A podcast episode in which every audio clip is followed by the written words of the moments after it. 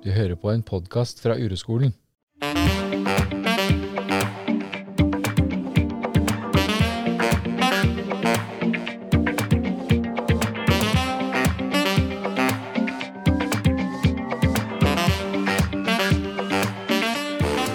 Du hører nå på podkasten Helt sant med Siv Eklo og Kaspar Skeip.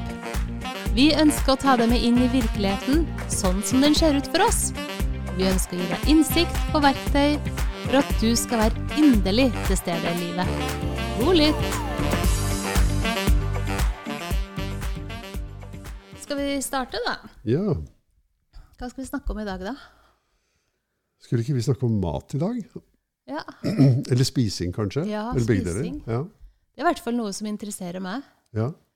Og Det jeg syns er kanskje sånn uh, litt sånn fascinerende i samfunnet, er jo at ehm, Min opplevelse er at en oppfatning av at um, det er noen som driver og spiser og kobler det til følelser, og så er det noen som ikke gjør det. ja. Uh, og det er liksom to kategorier. Da er det uh, de som har en spiseforstyrrelse, og så er det de som ikke har en spiseforstyrrelse. Og de som har en spiseforstyrrelse, eh, er, der er det en kobling mellom følelser og mat. Og de som ikke har en spiseforstyrrelse, der er det ingen sammenheng mellom følelser man opplever her i livet, og matinntak. ja. Det syns jeg er kjemperart. ja. Og en veldig stor feiloppfatning. Mm. Og igjen noe som vi har snakka om litt før, det, er- det er to kategorier. Det er friske og det er syke. ja. Ikke sant? Mens sannheten er jo, i forhold til både eh, alle typer lettere psykiske lidelser, da, hvis man kaller det det, er jo at det er på en måte en skala. Og de fleste av oss driver jo på en måte og kaver midt, midt utpå der, midt imellom, og er, har gode og dårlige dager. Og jeg, min påstand er jo at alle mennesker har en kobling mellom mat og følelser. ja det er i hvert fall Det er fall en hypotese vi kunne prate litt om. Hæ? Hva sa Ja, du? det er i hvert fall en hypotese som jeg er veldig interessert i å prate om. Jeg mener det ville vært ytterst merkelig hvis ikke alle mennesker hadde en kobling mellom mat og følelser. For det første, man, det første som skjer når vi kommer inn i jordlivet, det er jo at det etableres en, en, en um, kontakt mellom mat og spising og munnen og følelser. Ja. Ved at eh, eh, det er uunngåelig at et menneskebarn eh, som blir født av en mor og til en mor, Mm. eh, ikke blir lagt til brystet, eh, og at det har en trøstende effekt. Da. Sånn at det første vi erfarer, En av de aller, aller første erfaringene de fleste av oss gjør, det er at vi eh, blir trøstet med noe som er varmt og søtt, Mm. og som kommer inn gjennom munnen vår. Og at vi blir rolig av At det. det, og at det funker. Og tenker oss det som eh, hvis, at Genetisk sett så har det Eller evolusjonært, da, så er det en lang, lang, lang lang evolusjon, en utvikling bak noe sånt. Og det er sånn at mat har en trøstende effekt, eller en beroligende effekt. Så det, og det er, det er jo det er ingen som vil være uenig tror jeg. Men det er jo Vi kan gå mange veier når vi snakker om dette, og en av dem er kanskje vi kan være sneie innom, er at eh, hvilken, hvilken kategori vil du helst få, eh, høre til, da? De som har et, eh, spis, en spiseforstyrrelse, eller de som ikke har det? De som ikke har det. Ja, det, alle, Som det, er, åpenbart alle vil. det må jo Tror være du ikke det? Ja, jo, Tror ikke alle, alle vil 100 helst det. Ja. svarer det? Mm. Men hvis vi ser på det eh, knyttet opp mot behovet for å høre til, kan vi si Mm. at ja, men eh, for å høre til i gruppen ikke spiseforstyrrede, må det være noen som er spiseforstyrrede. Og de hører jo ikke til i gruppen eh, ikke spiseforstyrrede, men i gruppen spiseforstyrrede. Mm. Slik etableres slike grupper ved at noen er utenfor og noen er innenfor. Som frisk syk. Hva sa du? Som frisk og syk. Som frisk og syk, f.eks. Eller, eller noen det er noe feil med, og noen det ikke er noe feil med. Og vi som, det ikke er noe, vi som definerer oss som det ikke er noe feil med oss, vi eh, er- definerer jo da samtidig de som det er noe feil med. Og vår oppgave er jo også å få dem til å bli sånn som oss. Men det er jo en ganske bisarr oppgave all den stunden vi som gruppe er avhengig av at den andre gruppen fins. Heldigvis er det nok å ta av. Stadig nye mennesker med spiseforstyrrelser. Så det er jo en, eh, kanskje et sosiologisk eller sosialpsykologisk perspektiv på spiseforstyrrelser, nemlig at det er helt nødvendig for oss vanlige, normale mennesker at det er noen som ikke er vanlige og normale. Um, For å kjenne på en tilhørighet. ja, for å ha en tilhørighet. Mm. Mm. Så det er viktig at vi opprettholder spiseforstyrrelser, for det gir oss en god følelse, vi som ikke er spiseforstyrrede. Det, er- det får så være at det går på bekostning av de som blir definert utenfor. Mm. Så det er, en, det, er, det er et perspektiv som vi gjerne kunne snakket mye om. Eh, men vi kan kanskje gå mer mot eh, ja, hvordan, ja, hvordan virker maten på oss, og hvordan bruker vi maten? Og eh, det vanlige og normale i dette. Ja, og det er jo det jeg ønsker å utfordre, fordi at øh, hva er det å være spiseforstyrra, eller å ha et forstyrra forhold til mat? Mm. Hvis det er det samme som å ha følelser knytta til mat, så tror jeg øh, folk flest, alle, har et forstyrra forhold til mat. Hvis Ja. man skal kalle det det. Ja. Fordi at det alltid vil være noe følelser. Og selv så kjenner jeg jo at jeg um, At jeg spiser mat hvis jeg kjeder meg. Ja. Jeg, og kjedsomhet, eller det å ha det kjedelig. Nå var det litt lite som skjedde her. Eh, og når det blir stille og rolig, så får, man jo på en, får, man, får jeg jo absolutt kontakt med uro. Ja. Og når det blir stille, så kan jeg kjenne på en rastløshet. Ja. Og da kan jeg gå på kjøkkenet og begynne å, liksom, å klatre litt i skapene og se er det noe godt her. Ja. Som er en strategi for å forholde meg til en uro. ja. Velger du det? Er det et bevisst valg? Skal vi se nå, Kan jeg velge å ikke gjøre det, eller jeg kan velge å gjøre det? Det er veldig automatisk. Automatisert, ja. Ja, Mm. det er bare noe som Ja. du gjør. Og så etterpå så var det sånn Ja, men jeg var jo egentlig ikke sulten. Mm. Det var jo ikke sånn at eh, jeg har et fysiologisk behov for mat. Mm. Og så kan jo Og så, så er det jo klart at um, Det er jo ikke noe farlig at jeg kjeder meg og går og, i skapet og finner meg noen kjeks. Så, altså, det får jo ikke noen farlige konsekvenser. Det er ikke noe straffbart. Det går ikke utover noen. Mm. Og det, eh, jeg vil fortsatt også være innenfor en normalvektig kategori.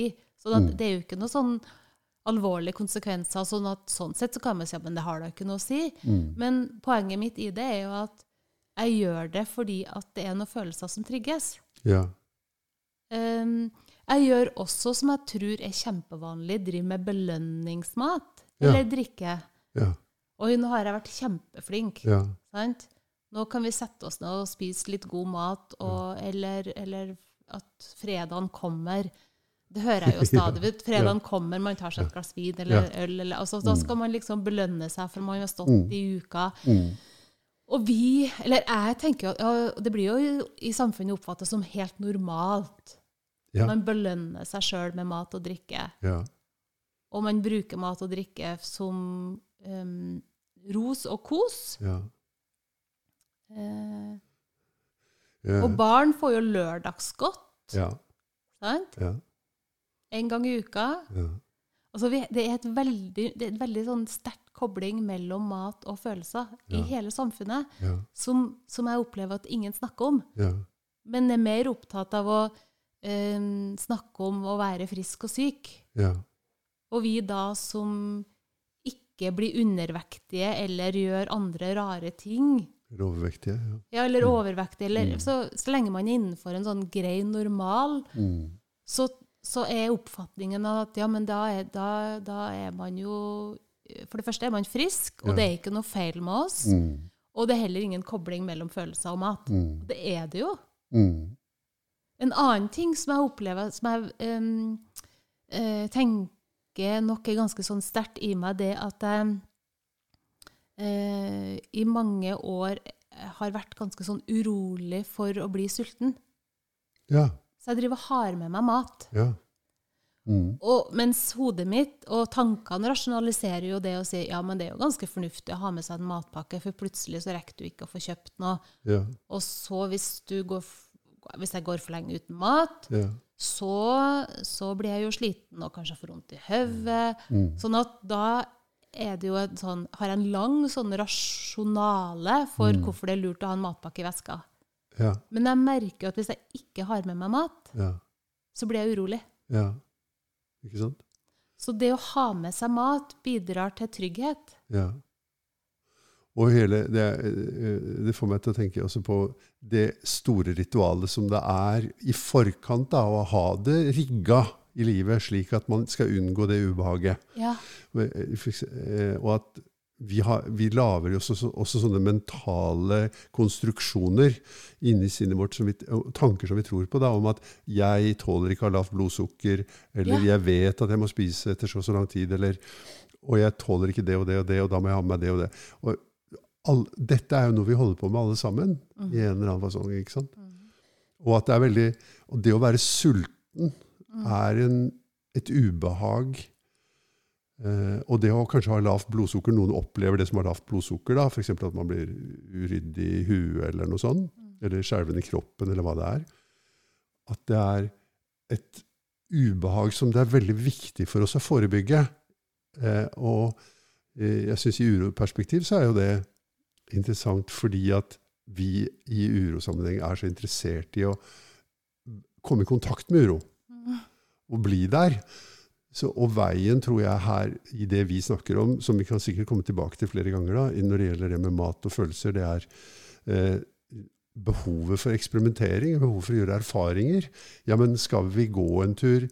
Eh, kan fortelle det at jeg, jeg har slutta med det, faktisk, men en av de tingene jeg har gjort noen ganger i mitt liv, det er at jeg, jeg har hatt grupper i naturen hvor vi har vært hvor vi har gått ut uten å ha med mat, og uten å ha med annet enn en kjele å varme vann i, og kopp. Og heller ikke telt og sovepose som en bare sitteunderlag, liggeunderlag. Og så har mm, egentlig hele oppgaven vært å se hvor lenge kan vi klare som gruppe å være sammen ute i naturen uten å ha med oss mat. Eh, og eh, det er jo ikke så lenge mm, folk klarer det. Og vanligvis, det som vanligvis skjer, er at det blir veldig ubehagelig når det blir over tre timer. For da begynner folk å bli urolige, og så blir man da aggressiv. Og så vil man avbryte, eller vil man eh, begynne å gå løs på noe som irriterer oss, eller noe sånt. Så, eh, så det er en vanskelig sak altså, å utforske hvordan er det egentlig å være uten mat. Enda, I andre kulturer er jo det å være uten mat ganske vanlig. Det er mange mennesker som spiser lite og har lite tilgang til mat, og er veldig avhengig av mange omstendigheter før de kan få mat. og sånn. Mens vi egentlig har veldig fri tilgang til mat. da. Så det å isolere, gå vekk fra maten, sånn at man ikke kan få mat på mange timer, og at man samtidig er fysisk aktiv og sånn, og sammen med andre mennesker, og kanskje fryser, er en krevende sak. Det er en såpass krevende sak at det er vanskelig å få med seg folk på det, så jeg, jeg har ikke sånne grupper lenger. Men jeg har gjort det, gjort det en del ganger. Hvordan har du opplevd det, da? Jeg, jeg har jo opplevd det som veldig ubehagelig. Det er mye ubehag knytta til det. Usikkerhet. Du blir virkelig du blir hudløs og sårbar da. ute i den store naturen uten maten, og uten soveposen, og uten teltet og uten alle de tingene.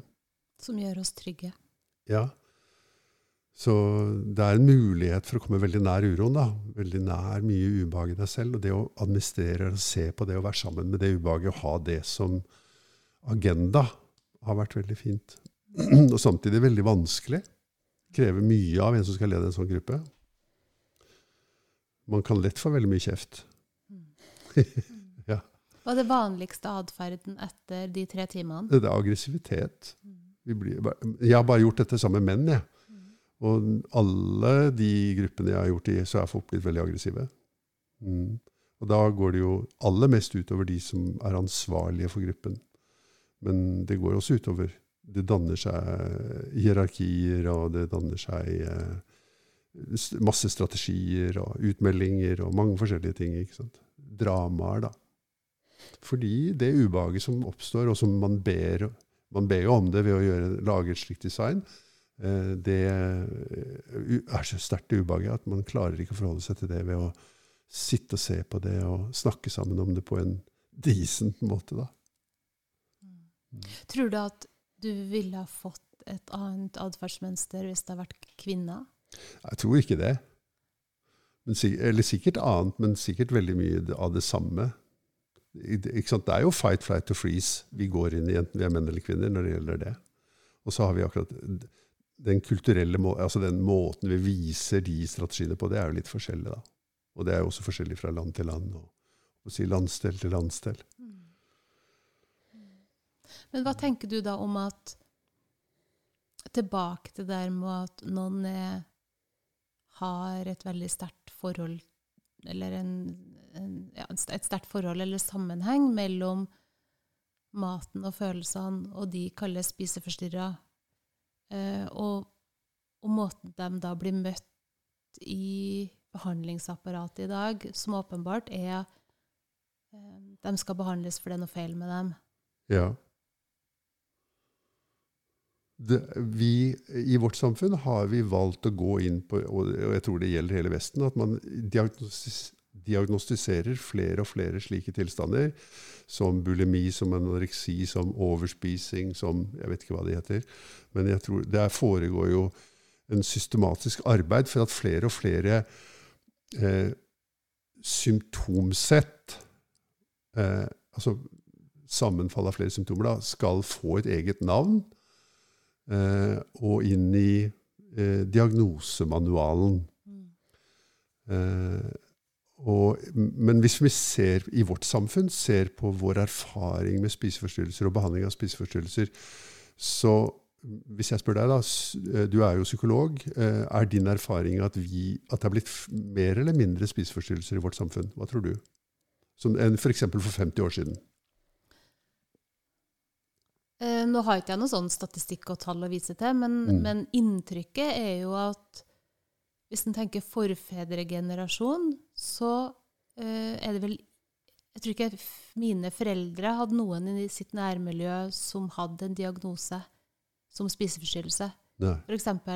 Mens uh, jeg nå ser det og hører om det hele tida. Ja. Som sannsynligvis betyr at diagnostisering er økende. Ja, diagnostisering er økende. Og jeg vil jo tro at problemet også er økende. Og jeg hørte sånn i forbindelse med pandemien at um, det var her hvor jeg bor, i, i, disse kommunene som er akkurat her hvor jeg bor. Uh, her er, var det en vekst jeg lurer på blant skoleelever på 25% som hadde økende problemer med spiseforstyrrelser i løpet av den tiden pandemien hadde vært. Hvilket jeg finner helt naturlig. Eh, helt rimelig, fordi denne endringen, denne store sosiale endringen, det store sosiale eksperimentet vi har vært med på, har ført til masse usikkerhet. Og den usikkerheten, eller uroen, da, den får et eller annet symptomatisk uttrykk. For, eksempel, og for tiden så er spiseforstyrrelser et slikt uttrykk.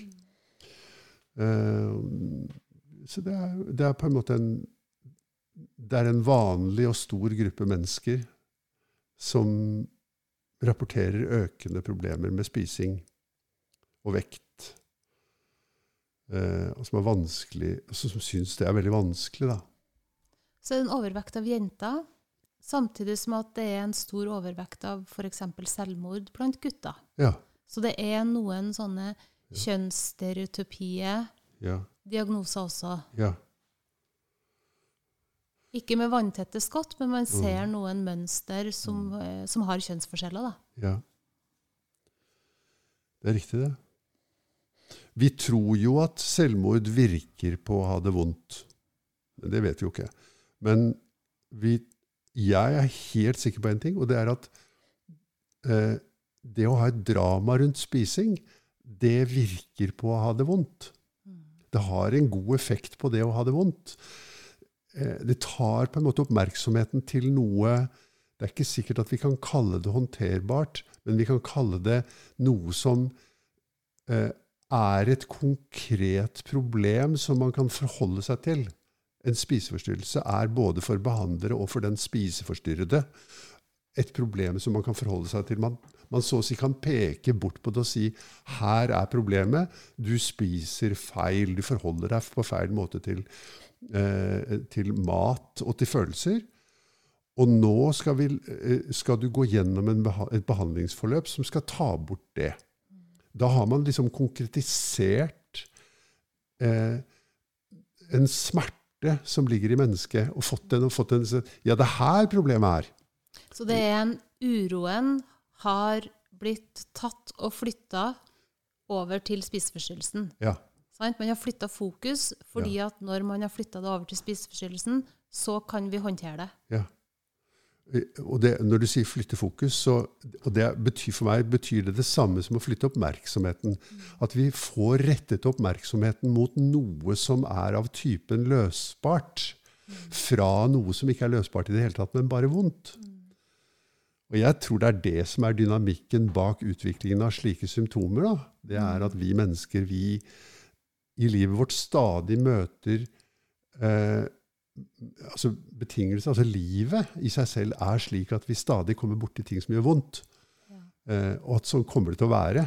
Ikke sant, det mest, eh, for eksempel en sånn banal ting. eh, Mens vi snakker, så ligger eh, min hund påstand på gulvet mellom oss. Mm. Og, Han varmer, han varmer og- og føttene varmer mine. føttene dine. Mm, det er deilig. Eh, og Nå skvatt den opp her. Ja.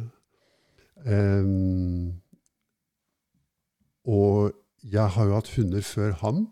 Og når en hund dør, så gjør det veldig veldig vondt for den som elsker den hunden.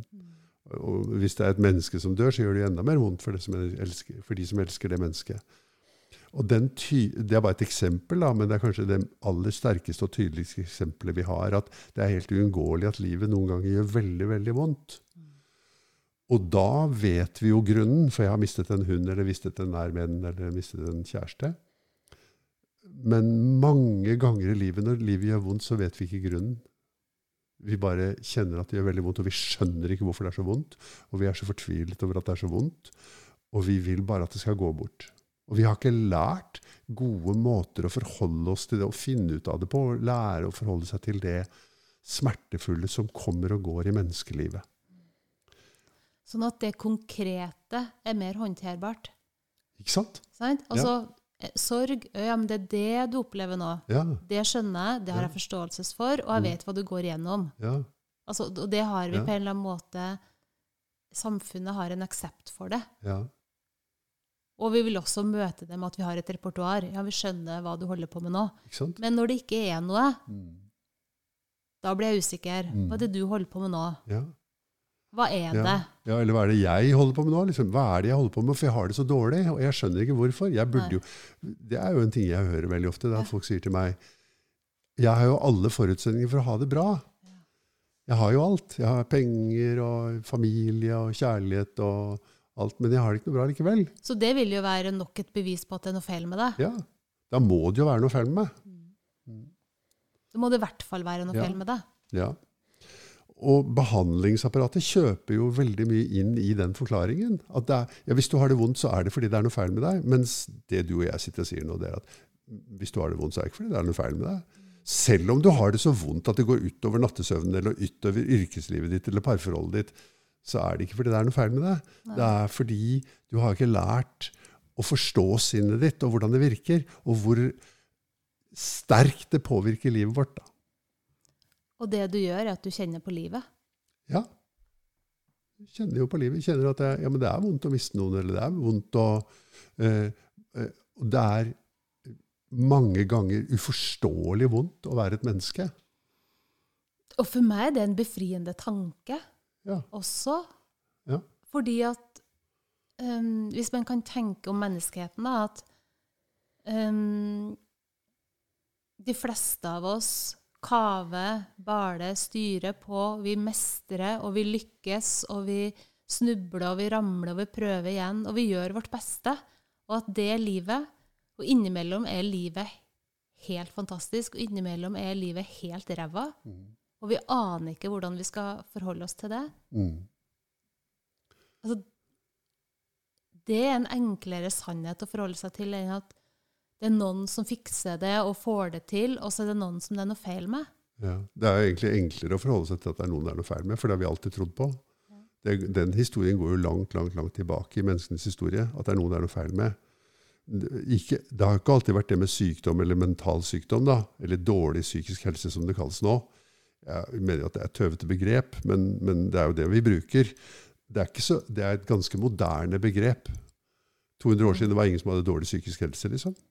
Det var kanskje besatt av en demon, eller eh, du var en heks, eller et eller annet sånt. ikke sant? Du skal tilbake, Det er jo ikke så mange hundre årene du skal tilbake før mennesker som var annerledes, at de var hekser og sånn. Ja. Vi brente masse mennesker i Norge. Og ingen steder brente man så mange mennesker som i Finnmark.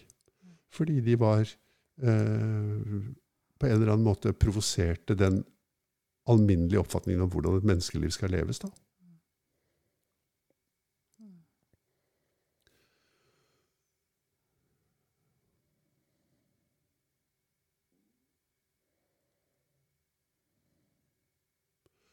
Men jeg, jeg, skal vi se, vi snakket om det der med øh, øh, at spiseforstyrrelser, øh, spiseforstyrrelser eller selvmord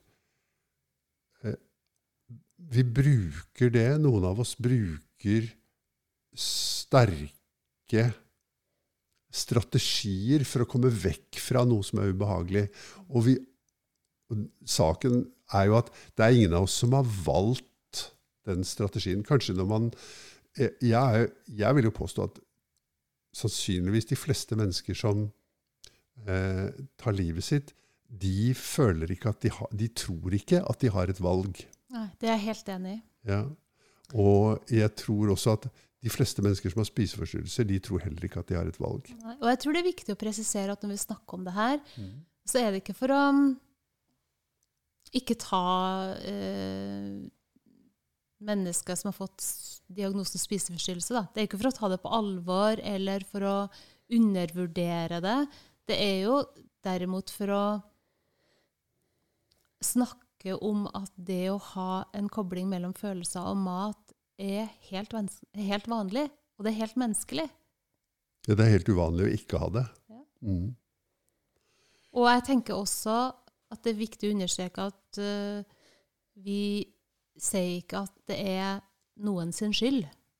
Ja. Og det, når jeg sier at du ikke har noe valg, eller når folk oppfatter at de, eh, at de ikke har noe valg, så er, betyr jo ikke det at jeg mener at folk har et valg. At jeg kan bare si hvis du hadde en spiseforstyrrelse og kom til meg, så ville jeg sagt ja, men bare slutt med det, for du har et valg. Mm. Det er ikke det jeg mener. Jeg mener at det er sterke krefter som styrer livet vårt, og som, til, som, gjør at vi havner i ting mer enn at vi gjør valg. Vi bare havner i det. Og så ser vi ikke hva som skal til for å komme ut av det igjen, selv om det er veldig smertefullt. da.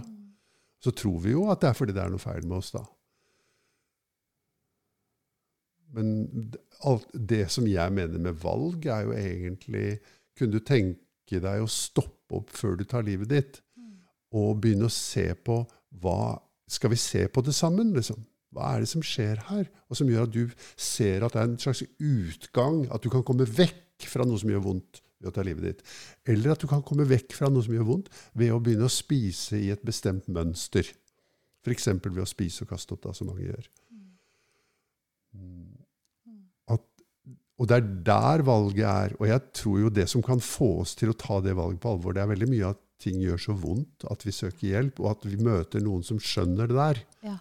For hvis vi bare møter noen som sier at ja, det er noe feil med deg, og du, eh, du må fikses mm. eh, Og det gjør vi ved at du én får en diagnose, to får et pakkeforløp på en eller annen måte som vi er blitt enige om at det er det som virker. Ja, og uh, selve definisjonen på behandling mm. er jo at det er noe feil. Ja. Man behandler jo ikke noe som ikke er ødelagt. Nei. Ja. Så jeg tror at det er veldig uheldig da, å komme inn i psykisk helsevern for folk som har sånne ting, fordi at det forsterker veldig Det er veldig stigmatiserende. Det forsterker følelsen at det er noe feil med meg. Mm. Og følelsen at det er noe feil med meg, for de fleste mennesker En annet navn på den følelsen er skam. Og de fleste mennesker gjør veldig mye for å slippe det direkte slippe å møte den følelsen direkte, dvs. Si føle den i kroppen. Og spiseforstyrrelse er en slik strategi for å slippe å møte den følelsen. Eh, og veldig mange andre av det som kalles psykiske lidelser, er det, slik jeg ser det. Eh, de er strategier for å slippe å møte skam, skyld, frykt, ensomhet. Eller det jeg kaller de følelsene på det nivået der, kaller jeg for eksistensiell uro. Eller grunnfølelser. Ja, grunnleggende uro, liksom. Mm. Grunnleggende ubehag, kunne man også kalle det. Ja, for det er vondt. Jeg tenker ubehag eh, gir også god mening, fordi at det sier noe om Ja. at det er fysisk smertefullt. Mm. Ja, eller grunn, Da kunne man jo kalle det også grunnleggende smerte. Ja. Og det er en smerte som hører til det å være menneske, og som vi har, vi som er i en menneskelig form, og som påstanden som ligger her, ikke har fordi han er i en hundelig form. Det hører ikke til den hundelige formen å ha sånne eh, sterk indre smerte som vi mennesker kan få. Og så det kan man diskutere mye om hvorfor det er slik, men det er nå min erfaring. Og det er også min erfaring selv fra mitt eget liv, selv om jeg er et ganske veltilpasset menneske, er at jeg i perioder i livet mitt har hatt det veldig vondt. Eh, og at jeg har jobbet fryktelig for å prøve å ikke ha det vondt, Mm. uten at det har hatt noe særlig god effekt. Men når du har hatt det vondt, har du da tenkt at det er noe feil med deg? Ja, Mm. skal jeg love deg. Det har jeg vært veldig overbevist om. Jeg har vært overbevist om det mm, lenger enn du har levd. Si sånn. Eller omtrent like lenge som du har levd nå, Siv, har jeg trodd på i mitt liv at det er noe feil med meg, og at det som skal til, er at det blir fiksa. Mm. Og jeg har gjort veldig mye rart for å prøve å få fiksa det. Mm, Hva har du gjort? Har f.eks. Eh, gått på masse kurs, selvutviklingsgreier og terapi, studier, for å prøve å finne ut av det. Mm. Har det hjulpet? Nei, det var hjalp ikke i det hele tatt. da. Jeg falt alltid tilbake. Jeg ble veldig skuffet, da, for jeg kunne jo oppleve at i perioder så var jeg bedre. Jeg tenkte åh, nå har jeg, blitt, jeg kommet ut av det blitt bedre. Og, sånn. og så, har falt, så har det kommet tilbake igjen. Den samme dype fortvilelsen inni meg har kommet tilbake. Og skuffelsen over at det ikke virket denne gangen heller. Ja. Og også da, ettersom du har brukt både tid og energi på det, og at det ikke har virka, så er det jo enda mer feil med det. Ja, ja. For det har jo sikkert sikkert ja, virka for de andre, og det har jo ikke virka Ja. for deg. Ja. Det, er, Så det der- blir på en måte ja, en dobbeltforsterkning av at det i hvert fall er det enda mer feil enn det kanskje var feil fra start. Ja, ja. Jo mer du holder på, jo verre blir det, liksom. Ja. Det er jo også en interessant ting det du sier der med at eh, eh, vi går rundt og tror at andre får det til. Ja. Gjør det? Jeg gjør i hvert fall det. Ja. Alle gjør det.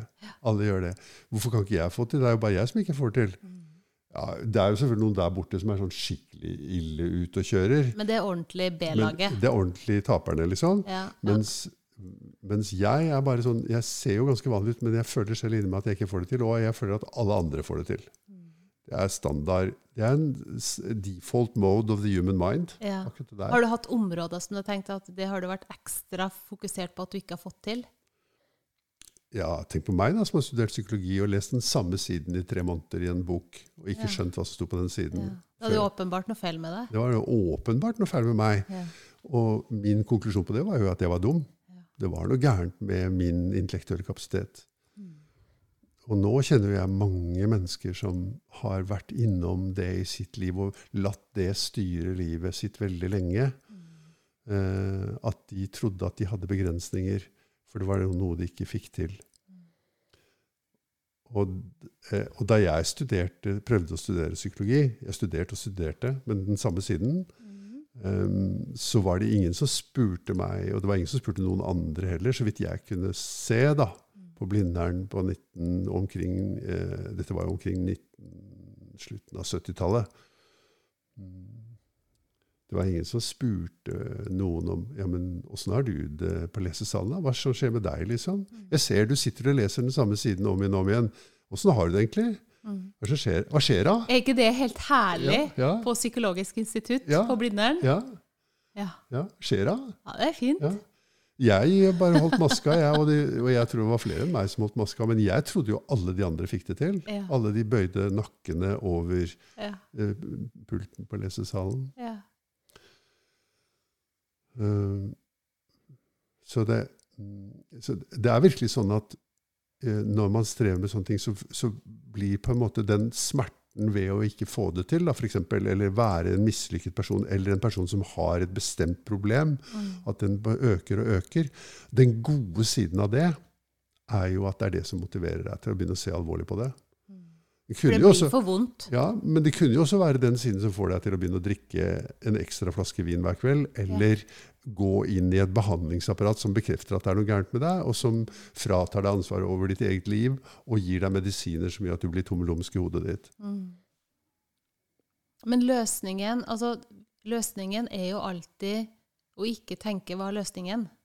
Ja, Løsningen Ja. er jo at det er å gå inn i seg sjøl, se innover og kjenne på hva er det som foregår her. ja, hva er det som skjer? Mm. yes, dette var rart, liksom. Og det er fryktelig vanskelig å gjøre det alene. Uten å ha noen å snakke med som Altså, eh, du vet no, Mens man holder på med dette, sånn som jeg har holdt på i mitt liv, da, med ting, så har jo jeg vært rimelig sikker på at jeg har visst hva jeg drev med, og jeg visste hva som foregikk i meg. At jeg har skjønt det selv. Ja. Ja, men du skjønner det er sånn og sånn, sier jeg. ikke sant? Og hvis den jeg snakker med som skal hjelpe meg, kjøper inn i min forklaring på hva som foregår, da, er jo jeg helt, da får jeg jo ikke noe hjelp. Så jeg er jo avhengig av å treffe en hjelper som sier jo, jeg hører du sier det. Eh, jeg har hørt den beskrivelsen og forklaringen før. Særlig den forklaringen har jeg hørt mange ganger før, og den er, helt, den er populær og vanlig. Mm. Skal vi se om det fins andre muligheter, liksom? Og det er ikke fordi at det at du har den forklaringen, er jo ikke fordi du er dum. Det er fordi, det er fordi at det er det som er the common sense hypnosis. Da. Det er det som er den vanlige måten som vi i vårt samfunn oppfatter ting på. Eksempel, sånn det er noen som er dumme. Ja, og det er sånn vi får det servert Ja. fra veldig tidlig alder. Ja, Det er noen som er innafor, og det er Ja. noen som er utafor. ja. Noen som er for tjukke, noen som er for tynne, noen som er for lange, noen som er for korte. Og allerede i førsteklassen så er det noen som kan å lese, og noen som ikke kan å lese.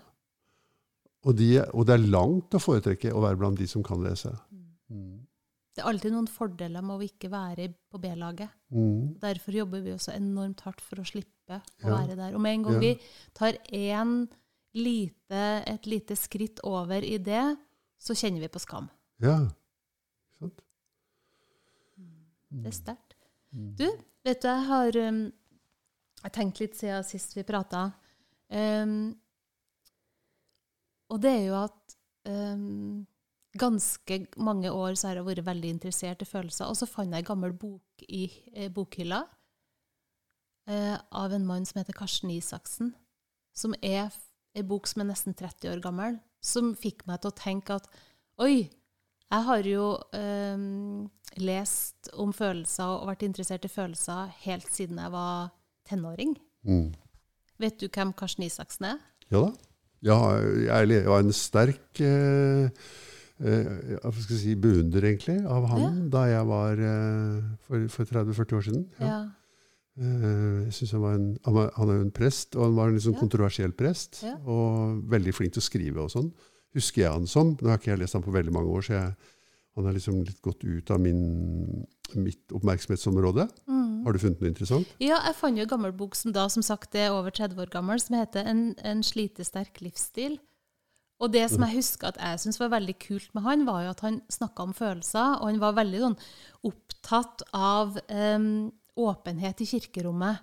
Mhm. Og at man ja, skulle snakke om følelser, skulle ha et større og rikere kirkerom, da, Mm. der det var rom for alle. Og det eh, tror ikke jeg var så veldig vanlig på den tida. Um, han er jo dessverre død. Jeg tror han døde for sånn fem år siden. Ok. Skal jeg avslutte med å lese eh, fra den boka som jeg syns var ganske fint? Apropos følelser som vi har snakka om. Ja. Følelser er i vårt samfunn et stebarn. Følelser er i vårt samfunn vår største salderingspost. Jeg ønsker å akseptere alle mine følelser.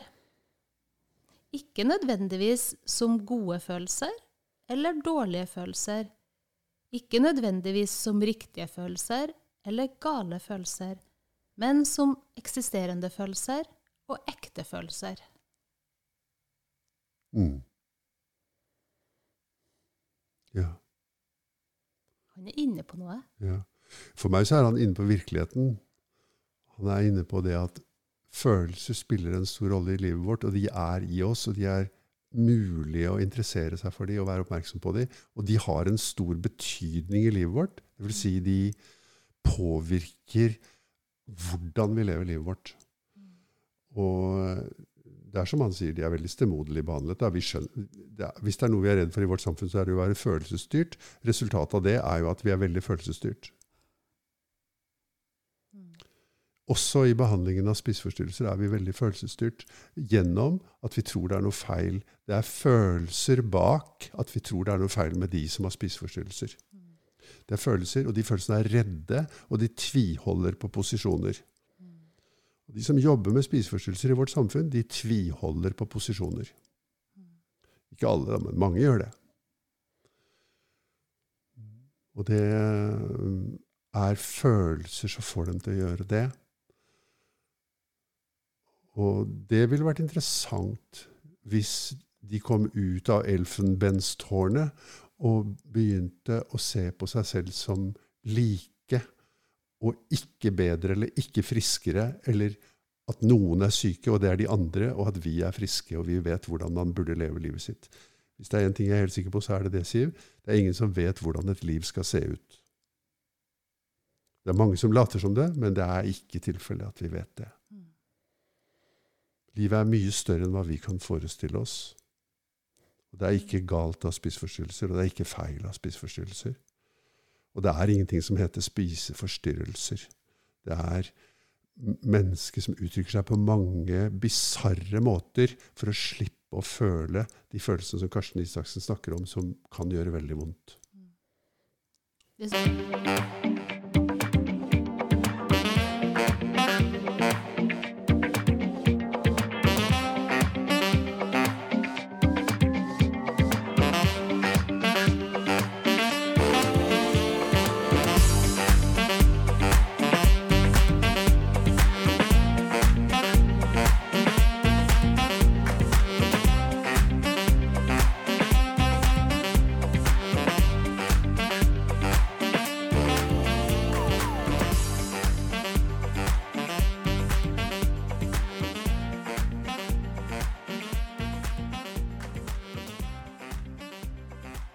Ja, nå har du hørt på podkasten Helt sant. Og er, vi er veldig glade for alle tilbakemeldinger på podkasten vår. Så send en uh, mail, eller bruk Facebook, eller bruk Instagram. Og, uh, og kom med innspill. jo Både innspill og ris og ros er vi interessert i.